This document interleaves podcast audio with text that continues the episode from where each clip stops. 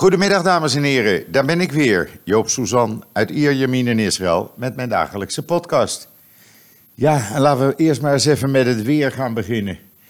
Uh, eindelijk vandaag een mooie dag, blauwe lucht, graad of 16. Uh, na de hevige regen was dat ook wel, uh, wel nodig. maar dat is maar voor twee dagen, want woensdag komt de regen en de storm weer in alle hevigheid terug. Afgelopen nacht, of gisteravond en vannacht, zijn er nog twee uh, slachtoffers gevallen door de regen. Plotselinge vloed, over, overstromingen van uh, rivieren hebben twee auto's meegesleurd op twee verschillende plekken in, een beetje ten noorden van Gadera, zo'n 30, 40 kilometer vandaan waar ik woon, naar het noorden. En uh, die mensen zijn verdronken uh, in een auto, die, uh, en er waren echt grote auto's, die Amerikaanse, hoe noem je dat, Ram-trucks. u kent ze wel, en die zijn meegesleurd door het hardstromende water, wat plotseling over de weg kwam. En die mensen zijn verdronken, iemand van 71 en iemand van 40 jaar. Heel triest allemaal. En er zijn er in totaal sinds zaterdag vier mensen dus om het leven gekomen zaterdag die twee jonge mensen in de lift in Tel Aviv. Die uh, in de parkeergarage uitkwam eh, terwijl de parkeergarage plotseling vol water stroomde. En deze twee mensen zijn ook daaraan overleden, die zijn verdronken. Allemaal heel triest. Het heeft ook enorm geregend. En er wordt hier nu, ja, hoor je ook geluiden van het heeft te maken met de climate change. Uh, ja, ik heb nooit eerder dit soort regenbuien in Israël meegemaakt. In al die twintig jaar niet, moet ik zeggen. Wel veel regen, maar zoveel als nu? Nee. Dat heb ik niet eerder gezien. Maar goed, uh, wat kunnen we daaraan veranderen? Weinig eigenlijk. Uh, dat moet wereldwijd geregeld worden. En dan even toch maar iets politiek. voordat we met uh, Iran en Israël en Amerika verder gaan en al het andere nieuws. Want ten eerste, president Rivlin heeft uh, vanmorgen op een conferentie gezegd, en u kunt het zo dadelijk op joods.nl lezen, om twee uur, dat uh, hij erg verbaasd is door het feit dat Netanyahu immuniteit aan de Knesset vroeg.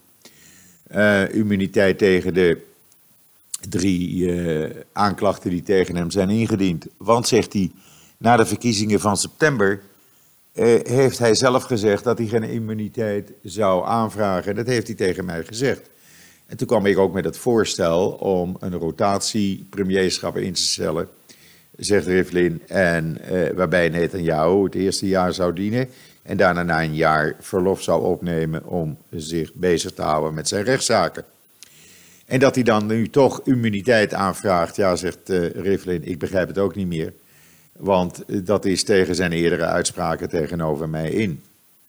Ondertussen is bekend geworden dat eh, er in de Knesset geen meerderheid is voor zijn verzoek om immuniteit. Er is eh, een meerderheid van 65 van de 120 Knessetleden die uh, een brief hebben ondertekend waarin zij zeggen geen immuniteit aan Netanyahu te verlenen. Blauw en Wit, de oppositiepartij, probeert met andere partijen nu de Knesset-voorzitter te bewegen die commissie in te stellen. De Knesset-voorzitter is Likud-lid en probeert dat uit te stellen tot uh, na de komende verkiezingen in de hoop dat er dan een meerderheid van Likud in de Knesset is. Ik denk dat dat niet gaat gebeuren. Ik denk dat, uh, dat hij uiteindelijk dat besluit of dat verzoek zal moeten honoreren. En dus een commissie instelt die dan over de immuniteitsaanvraag van Netanyahu gaat beslissen. Nou, de uitkomst is dan bekend. Er is geen meerderheid, dus de immuniteit gaat niet worden verleend. Het enige wat Netanyahu dan rest is om naar het Hoge Rechtshof te gaan. Maar daar heeft hij ook geen vrienden gemaakt, want uh, daarvan heeft hij de laatste drie, vier maanden constant gezegd. Dat Hoge Rechtshof, daar ga ik de macht van uh, eh, beperken. Ja, uh, we zullen het zien. De komende weken zullen meer duidelijkheid gaan geven. En dan heeft de IDF eh, een jaarverslag naar buiten gebracht. Daaruit blijkt dat het terrorisme van Palestijnse terreurgroepen minder is geweest in 2019, terwijl het aantal raketten op Israëlische bevolkingscentra toegenomen is. Er werden 1295 raketlanceringen gedocumenteerd over heel 2019. Denkt u dat eens even in. 1295 raketlanceringen op Israël. Daarvan landen er 729 in een open gebied. 478 raketten werden onderschept. Dat betekent een score van 85%. En dat waren dan raketten die uh, richting bevolkte gebieden gingen. En dat is het hoogste aantal raketten sinds de uh, oorlog in Ga met Gaza in 2014. 93% van alle raketlanceringen werden geregistreerd tijdens de verschillende escalatierondes tussen Israël en de terreurgroepen in Gaza. Er werden twee IDF-soldaten gedood en elf raakt, soldaten raakten in 2019 uh, eh, gewond tot ernstig gewond. De activiteit van terroristen uh, is ook iets afgenomen in uh, de Westbank. Er werden 19 incidenten gedocumenteerd tegenover 33 in 2018, dus dat is een behoorlijke daling. Het aantal Molotov-cocktailaanvallen is verdrievoudigd in 2019. Er waren 290 gevallen waarbij Molotov-cocktails werden gegooid.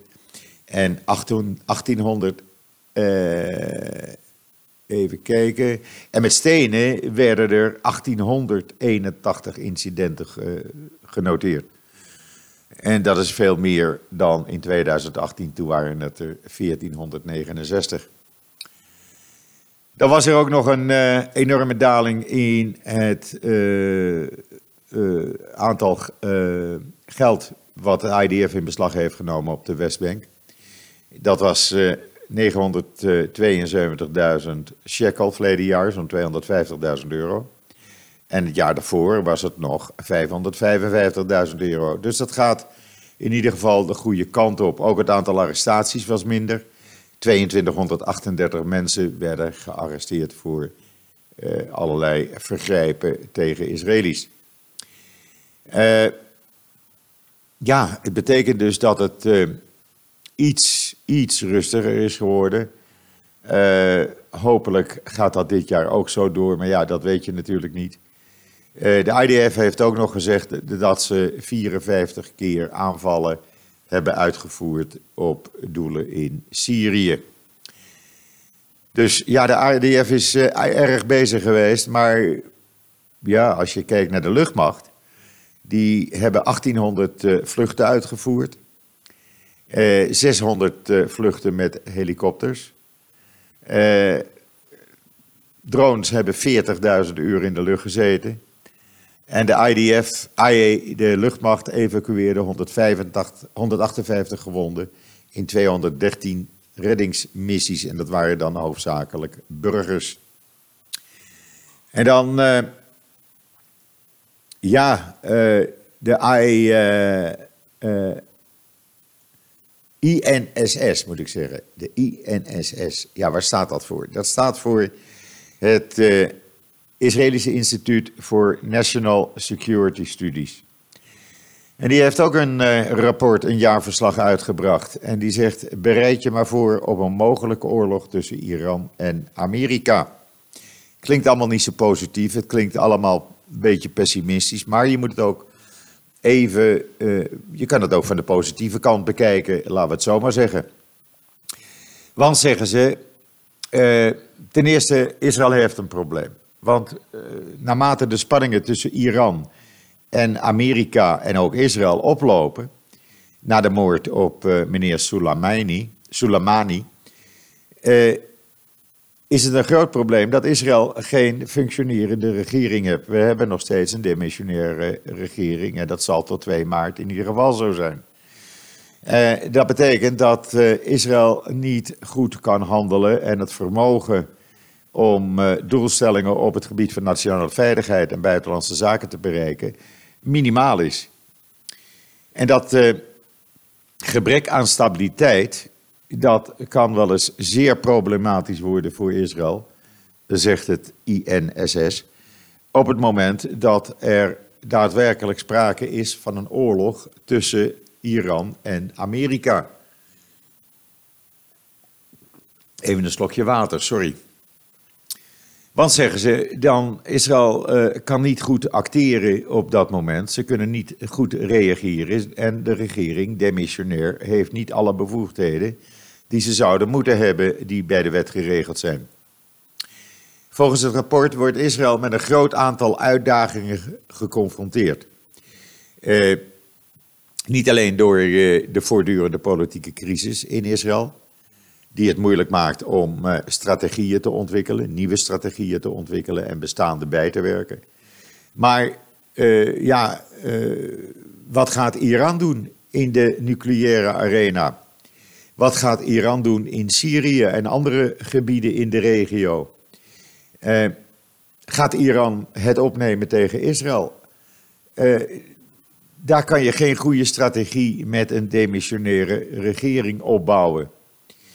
En dan zegt uh, het rapport ook dat, ja, wat, wat gaat de Israëlische regering doen tegen de pogingen van Hezbollah om meer precisie en de inspanningen van Hamas om de druk op Gaza te verminderen.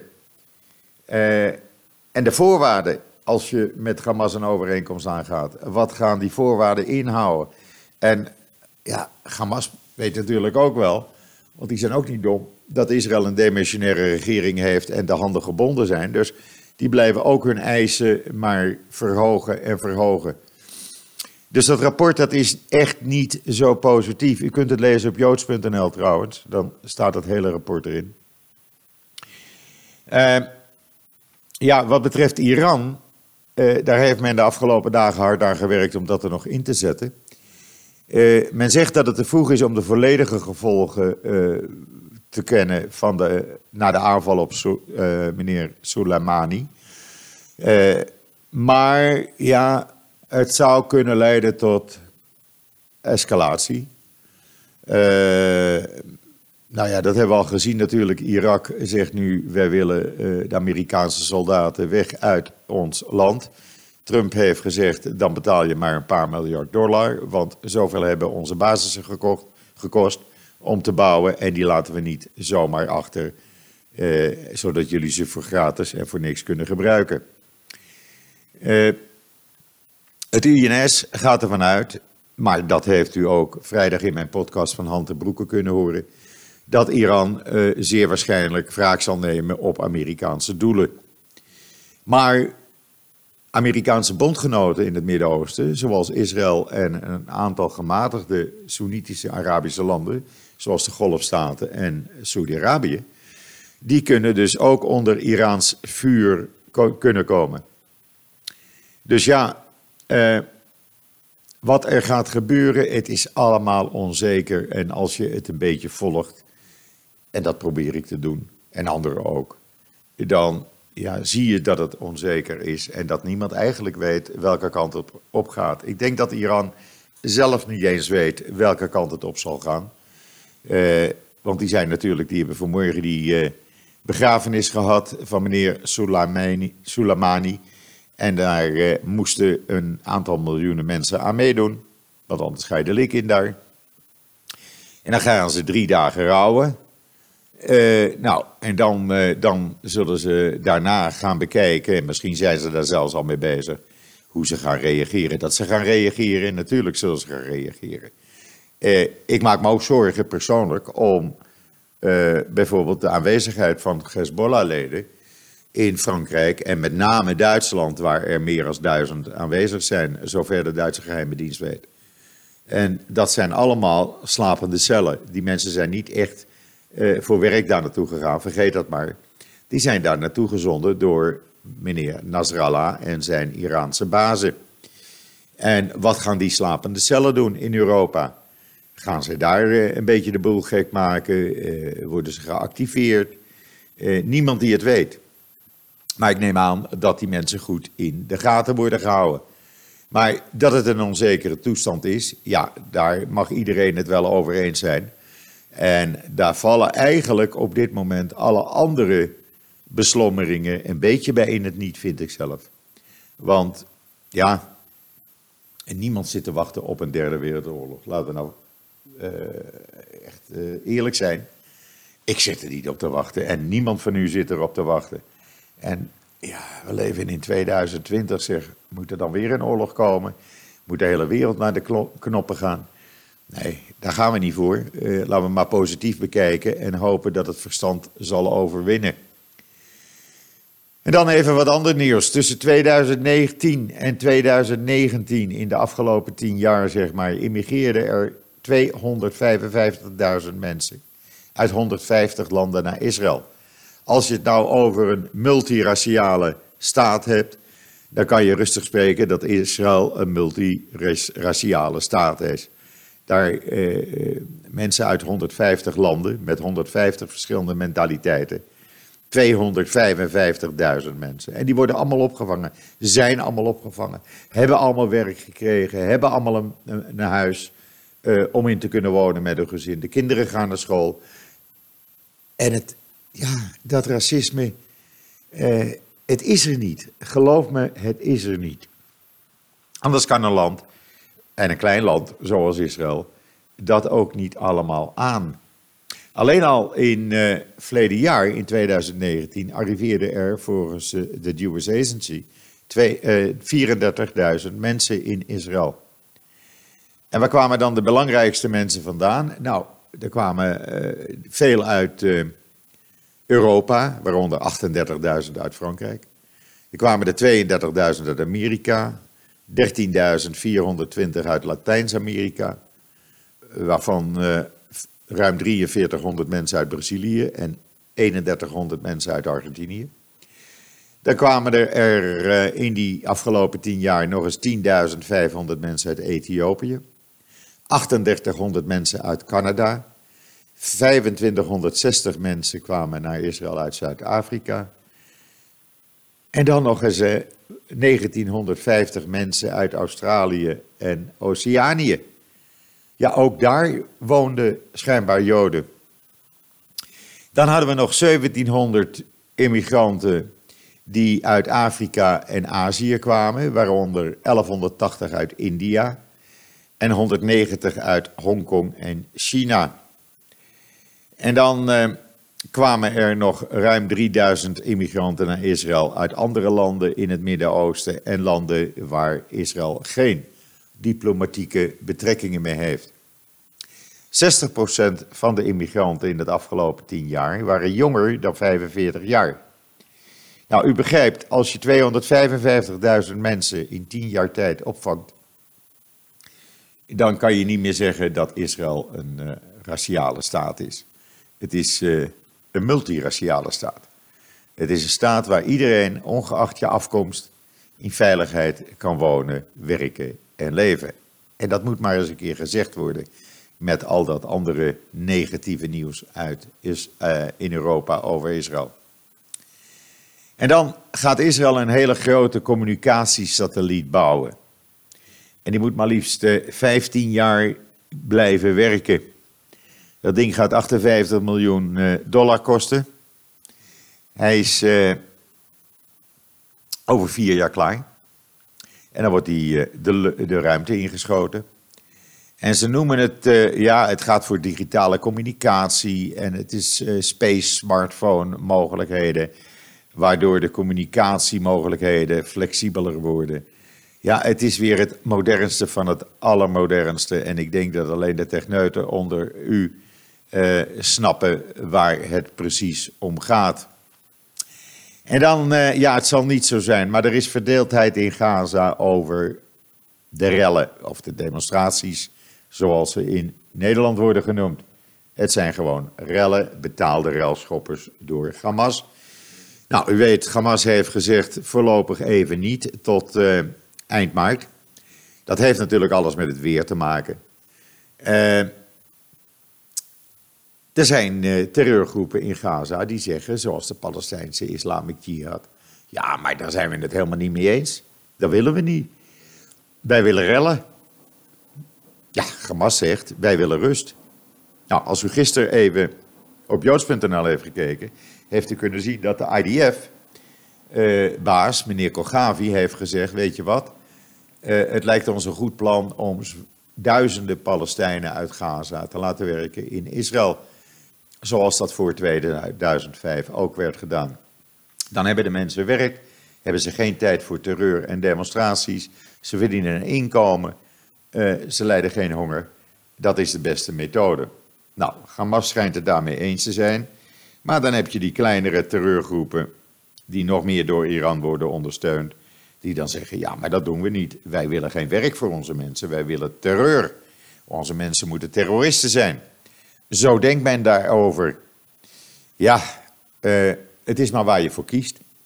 In ieder geval, uh, er is bonje tussen die groepen. Uh, Hamas wil dus rust. Andere terreurgroepen willen dat niet. Die willen lekker rellen en zoveel mogelijk terreur uitoefenen. Zolang ze maar geld krijgen, ja, zal dat ook gebeuren. En het wordt tijd dat die gasten eens een keer monddood worden gemaakt. Ja, dat brengt mij alweer een beetje bij het einde van uh, deze podcast alweer. Er komt natuurlijk nog veel meer nieuws straks op joods.nl, waaronder wat schrijven de Hebreeuwse kranten in Israël. Dat is een enorme populaire rubriek geworden op joods.nl. En uh, ja, uh, wat zich nog meer voor gaat doen. Ik denk niet dat er op dit moment ja, de komende tijd wat ernstigs gaat gebeuren. Daar ziet het allemaal niet naar uit. De IDF, alle eenheden en de luchtmacht zijn in hoge staat van paraatheid. dus er wordt gewaakt. En uh, voor de rest is het afwachten wat de Ayatollahs uh, gaan doen. Wel is zeker wat de Ayatollahs gaan doen, dat Europa hun, laat ik het maar netjes zeggen, hun togus kunnen afvegen met de Iran-deal. Als u begrijpt wat ik bedoel. Want die Iran-deal bestaat volgens de Ayatollahs niet meer.